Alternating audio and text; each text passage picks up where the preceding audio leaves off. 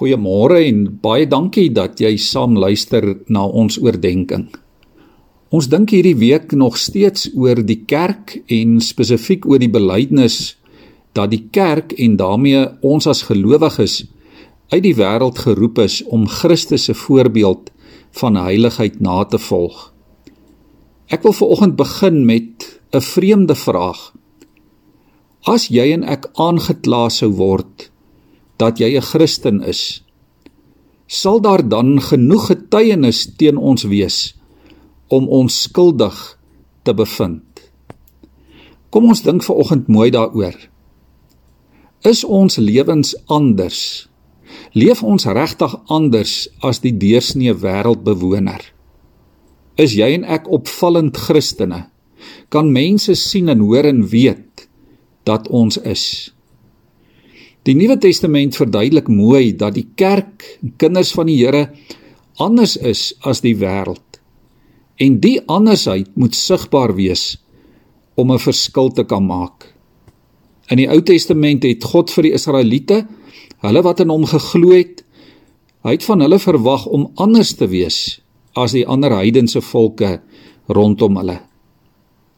Ja, liewe vriende, ons mag nooit so deel van die wêreld rondom ons word nie dat niemand weet wat is die verskil tussen die kerk en die wêreld nie. 1 Petrus 2 vers 11 sê: Ons moet altyd soos vreemdelinge en bywoners wees. Gelowiges in die wêreld, maar nie van die wêreld nie. Die kerk en die wêreld mag nie soos 'n handskoen en 'n hand op mekaar pas nie. Dan loop ons die gevaar om ons geloofwaardigheid as Christene te verloor. Kom ons dink so daaroor.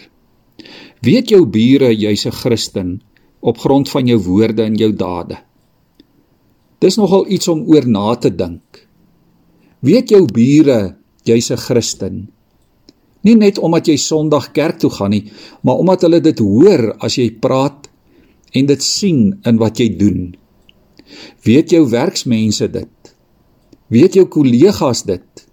Weet jou gesinslede dit en jou meisie, jou kerel, jou klasmaats kan hulle Jesus in jou en in my doen en late beleef. Jy en ek is onder heerskappy van 'n ander Here, naamlik Christus. Dit maak nie net 'n verskil in ons eie lewens nie, maar juis ook in die lewens van mense rondom ons. Kom ons dink vandag daaroor. As die wêreld jou aankla omdat jy 'n Christen is. Hoeveel getuienis sal daar teen jou wees?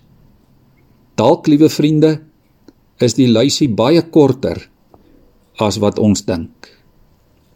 Ek lees vir ons Johannes 17 vers 13 tot 18. Dit is 'n wonderlike gebed wat Jesus vir sy disippels gebid het. Gaan lees dit gerus in Johannes 17. Ek lees net hierdie paar verse vir ons. Jesus is hier aan die woord. Hy sê, hy bid: Ek sê dit terwyl ek nog in die wêreld is, sodat hulle my blydskap in al sy volheid in hulle kan hê. Ek het u woord aan hulle gegee en die wêreld haat hulle omdat hulle nie tot die wêreld behoort nie, net soos ek ook nie tot die wêreld behoort nie. Ek bid nie dat u hulle uit die wêreld moet wegneem nie, maar dat u hulle van die bose moet bewaar. Hulle behoort nie tot die wêreld nie, net soos ek ook nie tot die wêreld behoort nie. Laat hulle aan u toegewy wees deur die waarheid. U woord is die waarheid. Soos u my na die wêreld toe gestuur het, het ek hulle ook na die wêreld toe gestuur. Kom ons bid vir oggend saam. Here, vanmôre bely ons dat ons dikwels nie is wat U wil hê ons moet wees nie.